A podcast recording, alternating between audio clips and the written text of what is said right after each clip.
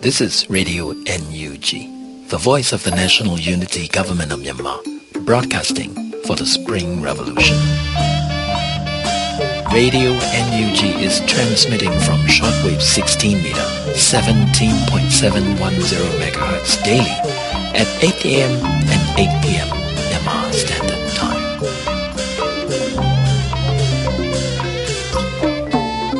မင်္ဂလာပါခင်ဗျာအမျိုးသားညီညွတ်ရေးအစိုးရရဲ့အသံလွှင့်ဌာနက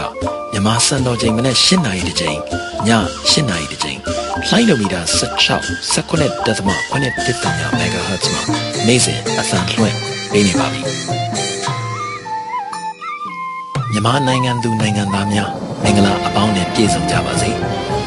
ခုချိန်ကစပြီး Radio NUG အစီအစဉ်လေးကိုဓာတ်ရိုက်အသံလွှင့်ပေးနေပါပြီ မြန်မာနိုင်ငံသူနိုင်ငံသားများတဘာဝဘေးစစ်အာဏာရှင်ဘေးတို့ကနေကင်းဝေးပြီးကိုယ်စိတ်နှပါကျမ်းမာလုံခြုံကြပါစေလို့ Radio NUG အဖွဲ့သားများကဆုတောင်းမေတ္တာပို့သလိုက်ရပါတယ်။အခုချိန်ကစပြီး Radio NUG ရဲ့သတင်းများကို တင်ဆက်ပေးတော့မှာဖြစ်ပါတယ်။ကျွန်တော်ကျော်နေဦးပါ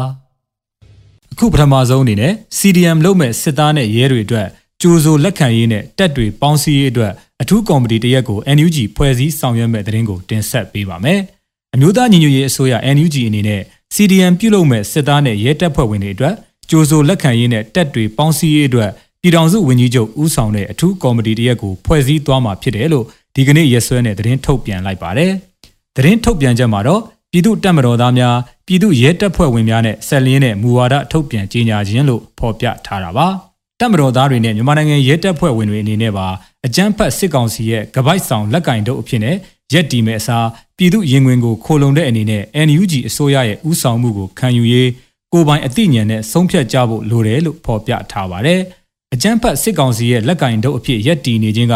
ပြည်သူကိုပုံကန်တာဖြစ်တဲ့အတွက်ကြောင့်ပြည်သူရဲ့ဒဏ်ခတ်အရေးယူမှုကိုမလွဲမသွေခံရမှာဖြစ်တယ်လို့ဆိုပါတယ်။ဒါ့အပြင် NUG အစိုးရကပြည်သူရင်ဝင်ကိုခိုလုံလာမဲ့တပ်မတော်သားတွေနဲ့ရဲတပ်ဖွဲ့ဝင်တွေကိုလေးစားအသိအမှတ်ပြုပြီးတော့လိုအပ်တဲ့တာဝန်ယူမှုနဲ့စောင့်ရှောက်မှုတွေကိုဖြည့်ဆည်းပေးနိုင်ရေးမူဝါဒတွေ ချမှတ်ထားပါသေးတယ်။အဲ့ဒါတွေကတော့ကာကြီးတရားမဝင်အာဏာသိမ်းအကြမ်းဖက်စစ်ကောင်စီနဲ့လမ်းခွဲလျက်ပြည်သူရင်ဝင်ခိုလုံရန်ဝန်ခံကတိပြုသောတပ်မတော်သားများနှင့်ရဲတပ်ဖွဲ့ဝင်များအားပြည်သူသားကောင်းများအဖြစ်အတိအမှတ်ပြုမည်။ခါခွေ၎င်းတပ်မတော်သားများနှင့်ရဲတပ်ဖွဲ့ဝင်များ၏လှုပ်သက်ယာဒုနှင့်ပင်စင်တို့အားအမျိုးသားညီညွတ်ရေးအစိုးရကဆက်လက်တာဝန်ယူမည်။ကငယ်၎င်းတို့လက်တလောလိုအပ်သောအသက်လုံခြုံမှု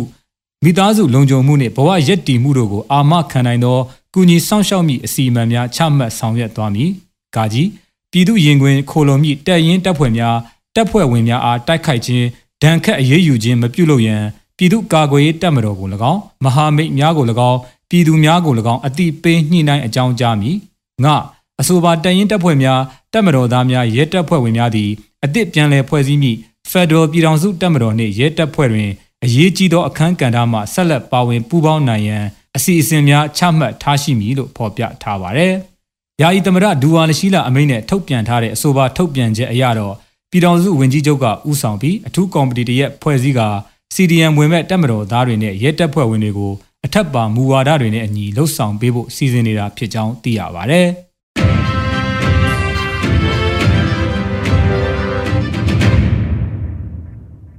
ကရင်အမျိုးသားအစည်းအရုံး KNU တပ်မဟာ9နယ်မြေမှာတိုက်ပွဲတွေဆက်ဖြစ်လို့နှစ်ရက်အတွင်းမှာအကြမ်းဖက်စစ်အုပ်စုဘက်က12ဦးသေဆုံးပြီး19ဦးဒဏ်ရာရတယ်ဆိုတဲ့သတင်းကိုဆက်လက်တင်ဆက်ပေးမှာဖြစ်ပါတယ်။ကရင်အမျိုးသားအစည်းအရုံး KNU တပ်မဟာ9နယ်မြေမှာတိုက်ပွဲတွေဆက်ဖြစ်လို့နှစ်ရက်အတွင်းမှာအကြမ်းဖက်စစ်အုပ်စုဘက်က12ဦးသေဆုံးပြီး19ဦးဒဏ်ရာရတယ်လို့တပ်မဟာ9ကဒီကနေ့သတင်းထုတ်ပြန်လိုက်ပါတယ်။အကြမ်းဖက်စစ်အုပ်စုတပ်တွေနဲ့သူ့ရဲ့လက်အောက်ခံနေကြားဆောင်တပ်ဖွဲ့ BGF တို့က စစ်အင်အားတွေဖြည့်တင်းတာစီရေးလှုပ်ရှားလာတာတွေကြောင့်တပ်မဟာ9နယ်မြေဖာပွန်ခရိုင်မှာတိုက်ပွဲတွေနေ့စဉ်လိုလိုဖြစ်ပွားနေတာပါ။ဩဂုတ်21ရက်နဲ့22ရက်မှာတိုက်ပွဲ9ကြိမ်ဖြစ်ပွားခဲ့တာမှာစစ်ကောင်စီဘက်ကတေဆုံးထိခိုက်မှုတွေများပြီးတပ်မဟာ9ဘက်ကအကြအဆုံးမရှိဘူးလို့ဆိုပါတယ်။စစ်ကောင်စီရဲ့စကားဆ8လက်အောက်ခံခမာယ439ခွန်နဲ့438တက်တွေ BGF တက်တွေဟာကမာမောင်းဖာပွန်ကားလန်းလုံခြုံရေးကိုအကြောင်းပြပြီး လမ်းကင်းဆောင်ဆိုင်နေစဉ်မှာဖာပွန်ခရိုင်တွေကကြေးရွာတွေကိုလက်နက်ကြီးတွေနဲ့ပစ်ခတ်တာရှိခဲ့တယ်လို့လည်း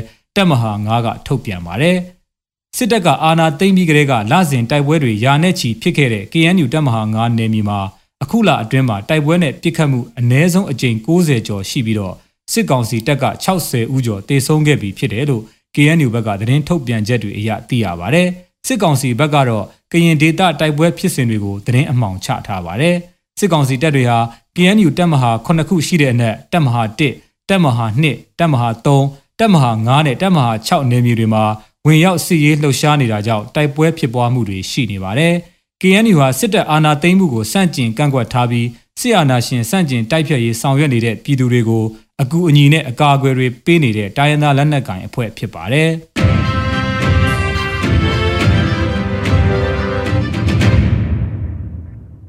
အခုနောက်ဆုံးအနေနဲ့မူဆယ်မြို့နယ်ပန်ဆိုင်ဒေသမှာကိုးကန်တက်နဲ့အကြမ်းဖက်စစ်ကောင်စီတပ်တိုက်ပွဲတွေဆက်ဖြစ်နေတဲ့သတင်းကိုတင်ဆက်ပေးမှာဖြစ်ပါတယ်။မူဆယ်မြို့နယ်ပန်ဆိုင်ဒေသမှာတိုက်ပွဲအဆက်မပြတ်ဖြစ်ပွားလျက်ရှိတယ်လို့ကိုးကန်လက်နက်ကင်အဖွဲ့ MNDAA ကဒီကနေ့မှသတင်းထုတ်ပြန်ပါတယ်။စစ်ကောင်စီတပ်တွေကအင်အားအလုံးရင်စူးစီးလှုပ်ရှားလာတာကြောင့်ပန်ဆိုင်မှာတိုက်ပွဲတွေဇက်တိုက်ဖြစ်နေတာလို့ကိုးကန်အဖွဲ့ရဲ့ထုတ်ပြန်ချက်မှာဖော်ပြထားပါတယ်။ ဩဂုတ်20ရက်ကကိုးကန်အဖွဲ့ရဲ့တပ်မဟာ9လက်အောက်ခံတပ်နဲ့စစ်ကောင်စီတို့မီတန်တောင်ကြားမှာတိုက်ပွဲနှစ်ကြိမ်ဖြစ်ခဲ့တယ်လို့ဆိုပါတယ်။အဲ့ဒီနေ့မွန်းလွဲပိုင်းမှာလည်းပန်ဆိုင်ရဲစခန်းမှာအပြန်အလှန်ပစ်ခတ်မှုတွေဖြစ်ခဲ့လို့စစ်ကောင်စီတပ်ဘက်က2ဦးဒဏ်ရာအပြင်းထန်ရရှိခဲ့တယ်လို့ထုတ်ပြန်ထားပါတယ်။ဩဂုတ်22ရက်မှာလည်းမီတန်တောင်ကျောမှာတိုက်ပွဲဆက်ဖြစ်တာအပါအဝင်တိုက်ပွဲ3ကြိမ်ဖြစ်ခဲ့တယ်လို့ဆိုပါတယ်။အဲ့ဒီတိုက်ပွဲမှာထိခိုက်ကြဆုံးအခြေအနေတွေကိုတော့ဖော်ပြထားတာမတွေ့ရပါဘူး။ ကိုးကန်အဖွဲ့နဲ့စစ်ကောင်စီတပ်ဟာဇွန်လလလယ်လောက်ကစပြီးမုံကိုဒေသမှာတိုက်ပွဲတွေဇက်တိုက်ဖြစ်ပွားခဲ့ပြီး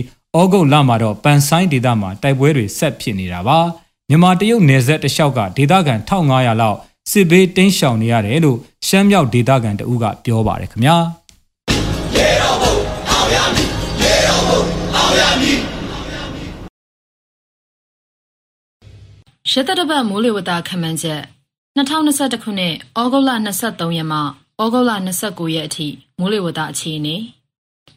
ယခုတစ်ပတ်အတွက်လေးထားတင်ပြလိုသည်မှာမုတ်တုံအခြေအနေမုတ်တုံမိုးအခြေအနေနဲ့မိုးလေကာလအတွင်းဖြစ်ပေါ်နိုင်တဲ့မိုးကြီးခြင်းရေကြီးရေရှမ်းခြင်းရေတိုက်စားမြေပြိုခြင်းနဲ့မုတ်တုံလေအားပြက်ခြင်းစတဲ့အခြေအနေတွေပဲဖြစ်ပါတယ်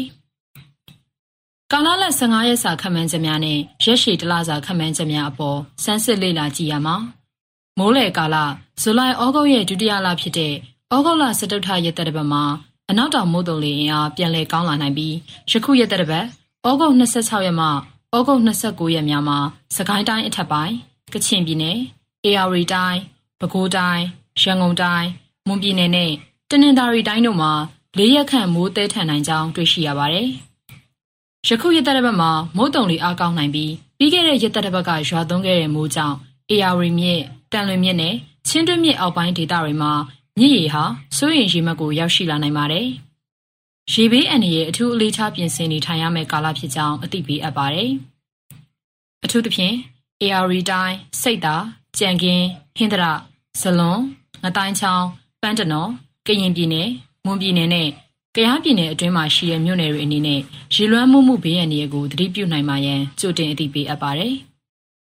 ဩဂုတ်လ23ရက်နေ့အတွက်ခန့်မှန်းချက်အနောက်တောင်မုတ်တုံလေးဟာဘင်္ဂလားပင်လယ်အော်နဲ့ကပ်ပလီပင်လယ်ပြင်တို့မှာအားအသင့်အတင်ရှိနိုင်ပါတယ်။မိုးအခြေအနေမှာစကိုင်းတိုင်းကချင်ပြည်နယ်ရှမ်းပြည်နယ်မြောက်ပိုင်းချင်းပြည်နယ်နဲ့ရခိုင်ပြည်နယ်တို့မှာနေရာစိတ်စိတ်ရန်ကုန်တိုင်းပဲခူးတိုင်းအေရရီတိုင်းကရင်ပြည်နယ်မွန်ပြည်နယ်နဲ့တနင်္သာရီတိုင်းတို့မှာနေရာကျဲကျဲနဲ့ကြံဒေသများမှာတော့နေရာကွက်ကြားမိုးထချုံရွာနိုင်ပါတယ်။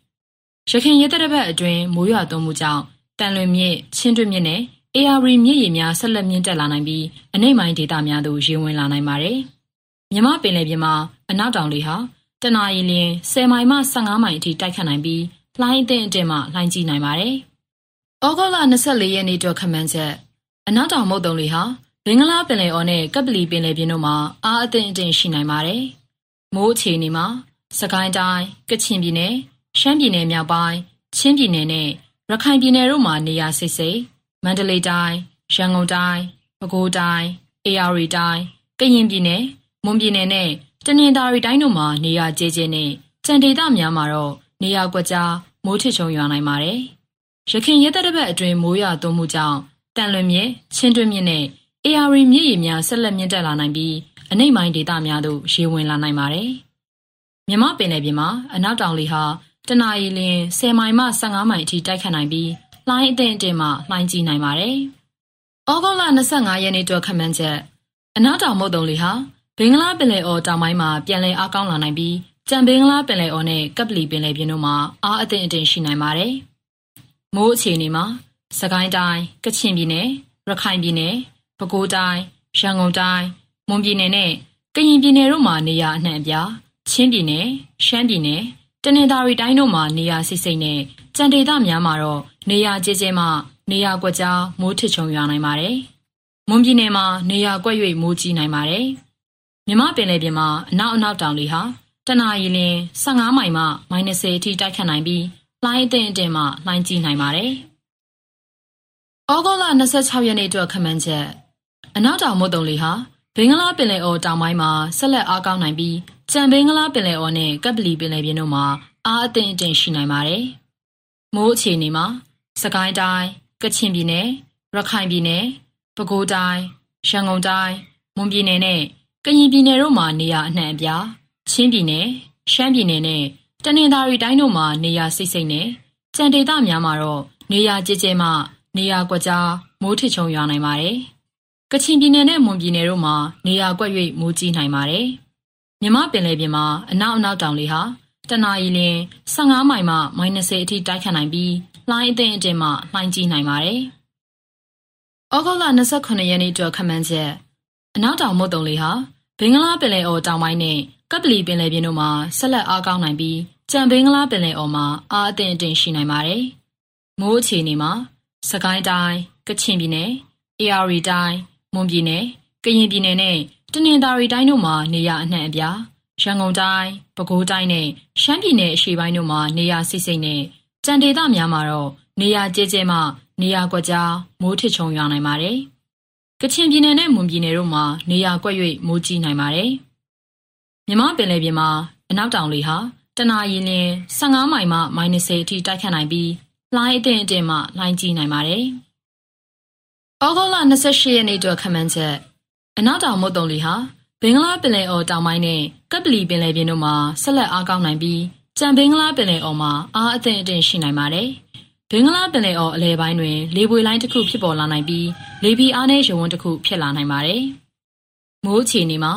AR တိုင်းရန်ကုန်တိုင်းကယားပြည်နယ်မွန်ပြည်နယ်ကရင်ပြည်နယ်တနင်္သာရီတိုင်းတို့မှာနေရာအနှံ့အပြားမန္တလေးတိုင်းပဲခူးတိုင်းနဲ့ ရှမ်းပြည်နယ်တောင်ပိုင်းတို့မှာ နေရာစိတ်စိတ်နဲ့ကြံဒေသများမှာတော့ နေရာကျကျမှ နေရာကွက်ကြား မိုးထစ်ချုံရွာနိုင်ပါတယ်။ကရင်ပြည်နယ်နဲ့ မွန်ပြည်နယ်တို့မှာ နေရာကွက်၍မိုးကြီးနိုင်ပါတယ်။ရေကြီးမှုအန္တရာယ်ကို အလေးထားဆောင်ရွက်ရန်လိုအပ်ပါတယ်။မြမပင်လယ်ပြင်မှာ အနောက်တောင်လေဟာ တနအီလရင်15မိုင်မှ -30 အထိ တိုက်ခတ်နိုင်ပြီး လှိုင်းအသင့်အတင်မှ လှိုင်းကြီးနိုင်ပါတယ်။ဩဂုတ်လ29ရက်နေ့အတွက် ခန့်မှန်းချက် အနောက်တောင်မုတ်တုံလေဟာ ဘင်္ဂလားပင်လယ်အော်တောင်ပိုင်းနဲ့ကပ်ပလီပင်လယ်ပြင်တို့မှာဆက်လက်အားကောင်းနိုင်ပြီးကြံဘင်္ဂလားပင်လယ်အော်မှာအားအသင့်အတင်ရှိပါမယ်။ဘင်္ဂလားပင်လယ်အော်အလဲပိုင်းမှာလေပွေလိုင်းတစ်ခုဖြစ်ပေါ်လာနိုင်ပြီးလေပြင်းအားနည်းရုံဝန်းတစ်ခုဖြစ်လာနိုင်ပါတယ်။မိုးအခြေအနေမှာ AR တိုင်းရန်ကုန်တိုင်းကယားပြည်နယ်မွန်ပြည်နယ်ကရင်ပြည်နယ်နဲ့တနင်္သာရီတိုင်းတို့မှာနေရာအနှံ့အပြားမန္တလေးတိုင်းမကွေးတိုင်းပဲခူးတိုင်းနဲ့ရှမ်းပြည်နယ်တို့မှာနေရာစိတ်စိတ်နဲ့ကြံဒေသများမှာတော့ နေရာကျကျမှနေရာကွက်ကြားမိုးထစ်ချုံရွာနိုင်ပါတယ်။ AR တိုင်းနဲ့ရန်ကုန်တိုင်းတို့မှာနေရာကွက်၍မိုးကြီးနိုင်ပါတယ်။ရေကြီးမှုအန္တရာယ်ကိုအလေးထားဆောင်ရွက်ရန်လိုအပ်ပါတယ်။မြမပင်လယ်ပြင်မှာအနောက်တောင်လေဟာတနအီလရင်15မိုင်မှ -30 အထိတိုက်ခတ်နိုင်ပြီးလှိုင်းအသင့်အတင်မှလှိုင်းကြီးနိုင်ပါတယ်။ဒီမိုကရေစီရရှိလေဟိုးရဲဟိုးရဲဒီမိုကရေစီရရှိလေ လူသားဆံမှုကင်းမဲ့ဆိုတိုက်ပြည်ရဲ့အချုပ်ချာအာဏာတစ်ခုအတွက်အစိုးရတရက်တင်မြှောက်ဖို့ရွေးကောက်ပွဲလုပ်တယ်ပြည်သူကနေပြီးရွေးချယ်ရတယ်နိုင်ရတဲ့ပါတီဖွဲ့စည်းကဆိုရဖြစ်ဒါဟာတိတ်ကိုရိုးရှင်းပြီးတော့နိုင်ငံအများစုလူသားတိုင်း လက်ခံကျင့်သုံးကြတဲ့တဒီမိုကရေစီကျင့်စဉ်တစ်ခုပါဒီလိုရွေးကောက်ပွဲတစ်ခုရဲ့အဓိကအရေးပါမှုကြီးဟာပြည်သူပါပဲနိယာမအရာပြောရရင်ရွေးကောက်ပွဲတစ်ခုဆိုတာပြည်သူရဲ့အဆုံးဖြတ်တယ်အတည်ဖြစ်တယ်ဥပဒေတရားပြောရရင်အိတ်သက်ဆိုင်ရာနိုင်ငံတစ်ခုရဲ့ရွေးကောက်ပွဲကော်မရှင်လိုမျိုးအဖွဲ့ရဲ့ဆုံးဖြတ်ချက်က အတည်ပေါ့မဲပေးကြတဲ့ပြည်သူတူဦးချင်းဟာလွတ်လပ်စွာဆုံးဖြတ်ရွေးချယ်ပြီးမိမိနှစ်သက်တဲ့ပါတီလူပုဂ္ဂိုလ်အဖွဲ့အစည်းကိုမဲပေးရွေးချယ်ခွင့်ဟာဝေးရပါလူသားတိုင်းရဲ့အခွင့်အရေးတစ်ရပ်ပါဆိုလိုချင်တာကပြည်သူအများစုကရွေးချယ်မဲပေးခဲ့ကြလို့အနိုင်ရတဲ့အဖွဲ့အစည်းကအစိုးရတရက်အဖြစ် ဖွဲ့စည်းဆောင်ရွက်တဲ့နေရာမှာတိုင်းပြည်ပေါ်ပြည်သူလူထုပေါ်အဲ့ဒီအစိုးရကမတရားသောနည်းနဲ့အုပ်ချုပ်လာရင်သူ့ကိုမဲပေးရွေးချယ်ခဲ့တဲ့ပြည်သူတွေကအဲ့ဒီအစိုးရကိုဖြုတ်ချပါဒါဟာလူသားဆန်တဲ့လူအဖွဲ့အစည်းတစ်ခုရဲ့ယဉ်ကျေးမှုကာချပဲ online ပေါ်မှာတွေ့တဲ့ dialogue လေးတစ်ခုဆိုရင် စစ်တပ်ကြီးတစ်ခုရဲ့ကာချုပ်ကြီးတရားလို့ပြောတယ်မင်းအောင်လိုက်မဟုတ်တာတော့သိကြတယ်ပြည်သူများစုကထောက်ခံရင်တတောင်းစားကသမရဖြစ်နေပါစေကျုံမမှုကျုပ်တို့ကပြည်တော်စုကိုကာကွယ်ပေးဖို့ပဲတဲ့ဒီစကားရဲ့အထိပ္ပယ်အရန်လူသားဆန်တယ်သူ့နိုင်ငံရဲ့ပြည်သူတွေကိုလေးစားတန်ဖိုးထားတယ်ဆိုတာ အရန်သိတာကိုတာဝန်ကိုရှင်းရှင်းလင်းလင်းသိတယ်မဆိုင်တာဝင်မပါဘူးတိုင်းပြည်ကာကွယ်ရေးပဲလုပ်တဲ့စစ်တပ်တိုင်းဟာဒီလိုလူသားဆန်တဲ့လုပ်ရက်ဒီလိုအပြုတ်မှုဒီလိုအပြောဆိုတွေနဲ့ပဲသူတို့တာဝန်ကိုထမ်းဆောင်ရတယ်တိုင်းပြည်ရဲ့စီးပွားရေးနိုင်ငံရေးလူမှုရေးတွေသူတို့ဝင်မရှုပ်ကြ လူသားဆန်မှုကင်းမဲ့နေတဲ့မင်းအောင်လှိုင်ရဲ့စစ်တပ်အကြောင်းအားလုံးသိကြပြီးသားပါ2020ရွေးကောက်ပွဲကြီးမှာပြည်သူတမ်းမောင်းများစွာကမဲပေးရွေးချယ်ခဲ့ပြီးနိုင်ရခဲ့တဲ့ NLD ပါတီကအစိုးရဖွဲ့မယ်နေမဲစင်မှားလို့ပါဆိုပြီးတော့စစ်တပ်ကအာဏာဝင်သိမ်းတာကြည့်ဒီလို့ရဟာပြည်သူတရားလုံးကိုအယမ်းစော်ပါလိုက်တာ ပြည်သူဆန္ဒကိုဒါဟာရိုက်ချိုးဖျက်ဆီးခြင်းပါတကယ်တမ်းမဲမတမာမှုဖြစ်ခဲ့ရင်မိမိတို့ပြည်သူကဒီတိုင်းထိုင်ကြည့်နေမှာမဟုတ်ဘူးအစကတော့ကြည်ကြည်နက်နက်နဲ့ပြန်ခွဲလုပ်တယ်ရှုံးတော့မှတို့အစပြန်ကစားရအောင်ဆိုပြီးလုပ်နေတာဒါငငယ်ကလို့ကစားတဲ့ထုတ်စီးထိုးဝဲမဟုတ်ဘူးနိုင်ငံတစ်ခုရဲ့အရေးကြီးဆုံးအမြင့်ဆုံးပြိုင်ပွဲဖြစ်တဲ့ ရွေးကောက်ပွဲกว่าလို့ပြောရတော့အဲ့လိုကိုနဲ့မဆိုင်တဲ့ကိုနေရာကိုမသိတဲ့လူညစ်ကြီးတွေပြည့်နေနေတဲ့မင်းအောင်လှိုင်ရဲ့စစ်ကောင်စီအတိုင်းဝိုင်းကြီးပါဒီနေရာမှာမဟာလာရဲ့စစ်တပ်ထဲကမင်းတို့ရဲဘော်တွေကိုအတိပေးခြင်းတယ်ကွာစစ်တပ်ဆိုတာတိုင်းပြည်ကာကွယ်ဖို့မဟုတ်လားခုတော့ စစ်တပ်ကတိုင်းပြည်ကာကွယ်မှာလားကုမ္ပဏီကြီးတွေဖွင့်စီးပွားရေးလုပ်မလားမေးရလောက်တယ်စစ်တပ်တခုဟာစီးပွားရေးလှုပ်ရှားလာပြီဆိုအချိန်မှပျက်စီးမှာသူတို့အချင်းချင်းတွေစခွက်လူကြရင်လည်းမကြာခဏပြဿနာတွေတက်တယ်အားလုံးသိရဲဘော်တွေရဲ့ရိတ်ခါကိုနိုင်ငံတော်ဆိုရနေပြီအပြည့်အဝတောင်းခံအစစ်စစ်ဖြတ်ခိုးပြီးနောက်ဆုံးရဲဘော်တွေထံရောက်တော့အခွန်မဲကြံတာ ဘယ်သူပြောရဲလို့အဲ့ဒါတည်းဆိုတာရှိသေးတယ်ပေါ့အခုရက်ပိုင်းရှည်တန်းတိုက်ပွဲမှာရဲဘော်တွေတည်တဲ့အလောင်းတွေမြင်စင်မကောင်းမင်းတို့စစ်ဗိုလ်ချုပ်တွေကလူသက်ဘလောက်တန်ဖိုးထားလဲဆိုရင်မင်းတို့အလောင်းတော်ပြန်ကောက်ဖို့စိတ်ဝင်စားတဲ့သူတွေလေငါတို့တိုင်းရင်းသားတပ်တွေငါတို့ PDF တွေကိုကြည့်ငါတို့ရဲဘော်တယောက်တိုက်ပွဲမှာအသက်ပေးလိုက်ရရင် ငါတို့ဟာဘာပြတ်တယ်လို့ခံစားဝမ်းနဲ့ကြေကွဲရတယ်ငါတို့ຫນွေဦးအာဇာနည်တွေအတွက်ငါတို့ဟာအခမ်းအနားဆုံးဂုံပြူသေးကြကြခိုင်ရရင်ပြောရရင်မင်းတို့ဘလောက်ပဲတိုက်ပွဲမှာအသက်တွေသေးသေးမင်းတို့စစ်ဖို့ချုပ်တွေဟာမင်းတို့အသက်ကိုချက်ကလေးငှက်ကလေးလောက်တော့တန်ဖိုးထားတဲ့သူမဟုတ်ဘူးကွာသူတို့အာနာတီးမြဲရေး သူတို့မိသားစုစီးပွားရေးဒါပဲသူတို့ကောင်းတယ်မှာရှိတယ်ဆိုတော့မင်းတို့လည်းတီးပြီးသားဖြစ်မှာနောက်ပြီးမင်းတို့မှလည်းမိသားစုတွေရှိတယ်မဟုတ်လားမင်းတို့မိသားစုတွေရဲ့အနာဂတ်ကိုစစ်ကောင်စီဗိုလ်ချုပ်ကြီးတွေကသူတို့ရဲ့အစီအကံလောက်ပဲသဘောထားနေတာမင်းတို့မနာပေမဲ့ငါတို့ပြည်သူတွေမင်းတို့အစားရင်နာလို့မဆုံးဘူးသူတို့စစ်ဗိုလ်ချုပ်မိသားစုကြီးတွေကောင်းစားဖို့ မင်းတို့တွေရဲ့မိသားစုဘဝတွေပြစ်ဆက်ရတာမင်းတို့တန်ရလားကွာသူတို့သားသမီးတွေကြနိုင်ငံခြားကျောင်းတွေမှာပညာသွားသင်ခိုင်းမင်းတို့သားသမီးတွေကြတော့တေးသားရှင်သားတော့လွယ်လွယ်ကူကူသေလို့မရအောင်လှုပ်ထားတယ်ဒီစစ်ဗိုလ်ချုပ်တွေပေါ့မင်းတို့ရဲဘော်တွေရဲ့ဝကြွေးတွေများလုံးတယ်ကွာအဲ့ဒါကြောင့်မင်းအောင်လိုင်းရဲ့စစ်တပ်ကြီးတစ်ခုလုံးဟာလူသားစံမှု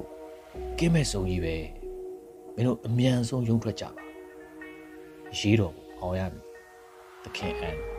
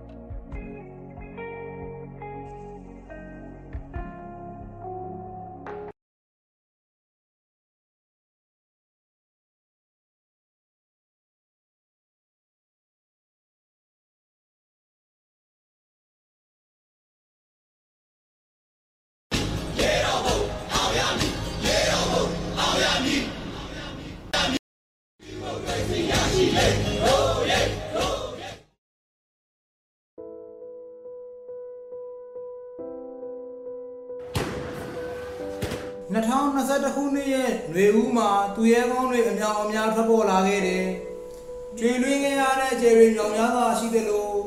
ထိုးလင်းတောက်ပနေတဲ့ဂျယ်ရီလည်းအများကြီးရှိပါတယ်။ကိုဗစ်တတိယလှိုင်းပြည့်ထန်နေချိန်မှာပဲနေ့စဉ်လူထောင်ဝန်ထမ်းအထိတည်ဆုံးခဲ့ကြရတာပါ။တည်ဆုံးသူတွေရဲ့အလောင်းတွေကိုလိုက်လံတည်ဆောင်ပေးနေတဲ့အသက်73နှစ်အရွယ်လူငယ်တစ်ယောက်ရဲ့ဓာတ်ပုံတွေ Facebook ပေါ်ပြန်လာပါတယ်။ တုံးတန်တွေကြားမှာ PPE ဝတ်စုံဝတ်ပြီးအလောင်းတွေကိုလိုက်တဲ့ပေးနေသူပါ။သူ့နာမည်ကမောင်ထွန်းလင်းနိုင်လို့ခေါ်ပါတယ်။သတင်းမီဒီယာတွေထက်မှာတော့အသက်အငယ်ဆုံးပရိုက်ရသမားလို့လည်းတင်စားထားကြပါတယ်။ရန်ကုန်တိုင်းဒေသကြီးအရှိတကုံမျိုးနယ်မြစ်တာသင်္ဃာနိုင်ကူညီမှုအသင်းမှာကူညီလုပ်ပေးနေသူပါ။တေဆုံးမှုနေ့စဉ်ထောင်ဝန်ထမ်းအထိရှိနေချိန်မှာ တုတ်တန်တွေစီသွားဖို့အတွက်ကားတွေထဲအလောင်းတွေထမ်းနေသလိုတကြိုမဲ့နေရာမှာလည်းအလောင်းတွေတန်းစီနေပါတယ်။ကူညီပေးနေတဲ့ပရိုက်ရသမားအင်အားကလည်းမနိုင်ဝန်ထမ်းလာရသလိုဖြစ်နေချိန်မှာအသက်73နှစ်အရွယ်6တန်းကျောင်းသားလေးမောင်ထုံးလေးနိုင်တယောက် PPE ဝတ်စုံဝတ်ပြီးတော့ကူညီမှုတွေကိုစတင်ခဲ့ပါတယ်။ဒါဟာလူငယ်တယောက်အတွက်ကယောဂသိုးကြီးကိုမကြောက်မရွံ့နဲ့ပြည်သူတွေရဲ့အခက်အခဲကိုလိုက်လံဖြေရှင်းပေးနေရတာပါ။ အာနာယုမရောက်နိုင်လို့ငမိုက်သားတစ်ကောင်ကြောင့်တည်နေရတဲ့ပြည်သူတွေကိုစာသင်ခန်းတွေကကလေးငယ်လေးကကူညီပေးနေရတာပါ။တုတ်တန်မှာ PPE ဝတ်စုံဝတ်ပြီးတော့မောပန်းနေတဲ့သူ့ပုံရိပ်တွေကကဘာကျော်မဖြစ်ခဲ့ဘူးဆိုရင်တော့မှမြမပြည်အနှံ့ကပြည်သူတွေရဲ့နှလုံးသားကိုတော့ဆွဲယူသိမ်းပိုက်လိုက်နိုင်ပါတယ်။မောင်ထုံးလင်းနိုင်မိသားစုကအရှိတကုံကျူးကျော်ရုပ်ပတ်မှနေတာဖြစ်ပြီးတော့ကြက်တဲစွာနဲ့ရုံးကန်နေရတဲ့မိသားစုကလာတဲ့ကလေးလို့ မြစ်တာအသင်္ဃာနိုင်ကူညီမှုအသင်းရဲ့တာဝန်ရှိသူတူကပြောပါတယ်။အရင်ကလည်းចောင်းပိတ်ရက်တွေမှာလာရောက်ကူညီပေးနေသူဖြစ်ပြီးတော့အခုလိုကယောဂါကြားမှာရဲရဲဝုန်းဝုန်းနဲ့ဝင်ရောက်လုပ်ကိုင်ပေးနေတာဖြစ်တယ်လို့မှတ်ချက်ပြုပါတယ်။မင်းအောင်လှိုင်ရဲ့စီမံခန့်ခွဲမှုအလွဲတွေကြောင့်ကိုဗစ်တတိယလိုင်းမှာတေဆုံးမှုတွေကနေ့စဉ်ထောင်ကနေအထိရှိခဲ့ရတာပါပထမလိုင်းနဲ့ဒုတိယလိုင်းမှာဒီဂျိုအစိုးရကနိုင်နိုင်နေနေကင်တွင်နိုင်ခဲ့ပါတယ် တတိယလိုင်းကျမှသာမသေးသေးတဲ့ပြည်သူတွေအမြောင်အများဆုံးရှုံးခဲ့ရတာလည်းဖြစ်ပါတယ်မင်းအောင်နိုင်သာအာဏာမယူခဲ့ရင်ဒီချိန်မှာမောင်ထုံးလင်းနိုင်တို့လိုလူငယ်တွေကမိဘရိတ်အောင်မှာစာပေတွေလေ့လာနေရမှာပါခုတော့အတန်းငယ်ဆုံးပရိုက်တာသမားတစ်ဖြစ်လဲမောင်ထုံးလင်းနိုင်ကတော့ PPE ဝတ်စုံကိုဝေပြီးကိုယ့်အတွက်အနေကိုမမှုဘဲနဲ့ပရိုက်တာအလုပ်တွေလုပ်နေရပါပြီဒါဟာ ຫນွေဦးနဲ့အတူပေါက်ွားလာတဲ့ຫນွေဦးသူရဲကောင်းတယောက်လို့တင်စားခေါ်ရမှာပါပဲအဲ့ဒီအတွက်ကြောင့်ဒီຫນွေဦးသူရဲကောင်းကဏ္ဍကနေပြီးတော့ဂုံကျူးတင်ဆက်လိုက်ရခြင်းလည်းဖြစ်ပါတယ် ကျောင်းသားပေးမဲ့လူလိုင်းနဲ့မလာလဲဘူးဒီလိုလိုကိုညကောင်းတယ်လို့မလိုက်ကြရင်တော့ကျောင်းတော့ဆက်လေးတင်းနေကျောင်းပေးတဲ့ရှင်ရရင်တော့မလာလဲဘူး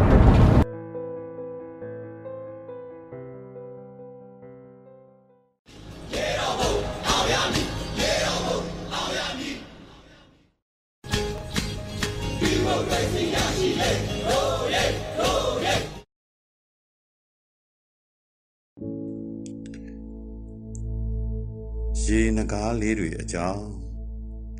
ညီညီမတို့အကိုတို့တက္ကသိုလ်ကတတ္တဗေဒဌာနရဲ့အမတ်တရတစိမ့်ကိုသိကြလားရေနဂါးလေးတွေပေါ့အရင်ကလောကကြီးမှာအမေတွေကပဲကလေးမွေးတယ်ထင်ခဲ့တာရေနဂါးတွေကြမှာအဖေကမွေးတဲ့မွေးသမားတစ်ချိန်ကို ထောင်ကနန်းချီဗျကိုတို့မျက်လုံးတွေကျဲခဲ့ရ ရေတတ္တဝါတွေတဲ့ထူးကဲပြီးမတ်တက်ကြီးရက်နေတဲ့သူတို့တွေဘယ်လိုရှင်းသားအောင်နေလဲသိလားသူတို့ကအများကြားမှာထူးခြားအောင်မနေဘူးရန်သူရှာမတွေ့အောင်ဝင်းကျင်အယောင်ကို လိုက်ပြောင်းရမှာဆရာဆရာပဲသူတို့ကသားကောင်ကို ထိတ်တိုက်မတွေ့ချိုကိုတိုက်ရမှာလဲဆရာဆရာပျောက်ကြားမဟာပွဲရှင်တွေသူတို့ကအကောင်တော့သေးသေးပဲ ဒါပေမဲ့အထင်မသေးလိုက်နဲ့အမောက်ကနေအမိပြားအထိစူးတန်ကြက်ကဝတ်စုံနေဗျ။ဒါရဟုတ်ပါဘူးလေ။တက်တန်းပြည့်သေးရင်တော့အဲကန်းဆောင်လှချိတ်เสียခန္ဓာရုပ်ကျွင်းကို အမတ်တရလက်ဆောင်နည်းနဲ့ရေနကားလေးတွေအကြောင်းပြောပြတာပါ။အဲ့ဒါပြောတာပါ။စာကျွင်းဘရင်ပြောက်ကြားရေနကားလေးတွေဟာ သူတို့အကျင့်အကြံကို အွန်လိုင်းမတင်တဲ့အကြောင်းပြောဖို့တော့ကြံသွားတယ်။ကိုကြီးမင်းကိုနိုင်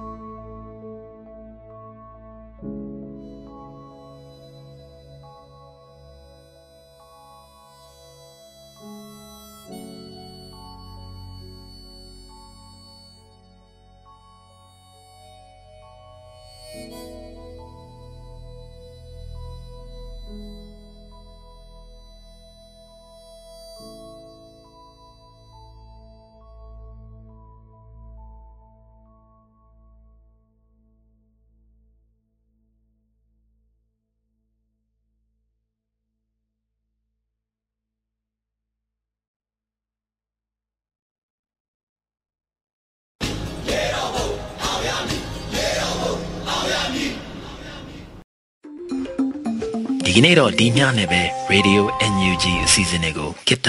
ရန်နာလိုက်ပါမယ်မြန်မာစံတော်ချိန်မနေ့၈နာရီညနေ၈နာရီတို့မှာပြန်လည်တွေ့ဆုံကြပါစို့လိုင်းဒိုမီတာ16 19တက်သမ9တက်3ည MHz မှာဖမ်းယူနားဆင်နိုင်ပါတယ်မြန်မာနိုင်ငံသူနိုင်ငံသားများကိုယ်စိတ်နှပြချမ်းမာချမ်းသာလို့ဘေးကင်းလုံခြုံကြပါစေလို့ Radio NUG အဖွဲ့သူအဖွဲ့သားများဆုတောင်းပေးလိုက်ပါတယ် အမျိုးသားညီညွတ်ရေးအစိုးရရဲ့ဆက်သွယ်ရေးသတင်းအချက်အလက်နဲ့ဤပညာဝန်ကြီးဌာနကထုတ်လွှင့်နေတဲ့ Radio NUG ဖြစ်ပါတယ်။ San Francisco Bay Area ခြေဆိုင်မြန်မာမိသားစုများနဲ့နိုင်ငံတကာကစေတနာရှင်များလုံအားပေးများရဲ့ Radio NUG ဖြစ်ပါတယ်။အရေးတော်ပုံအောင်ရမည်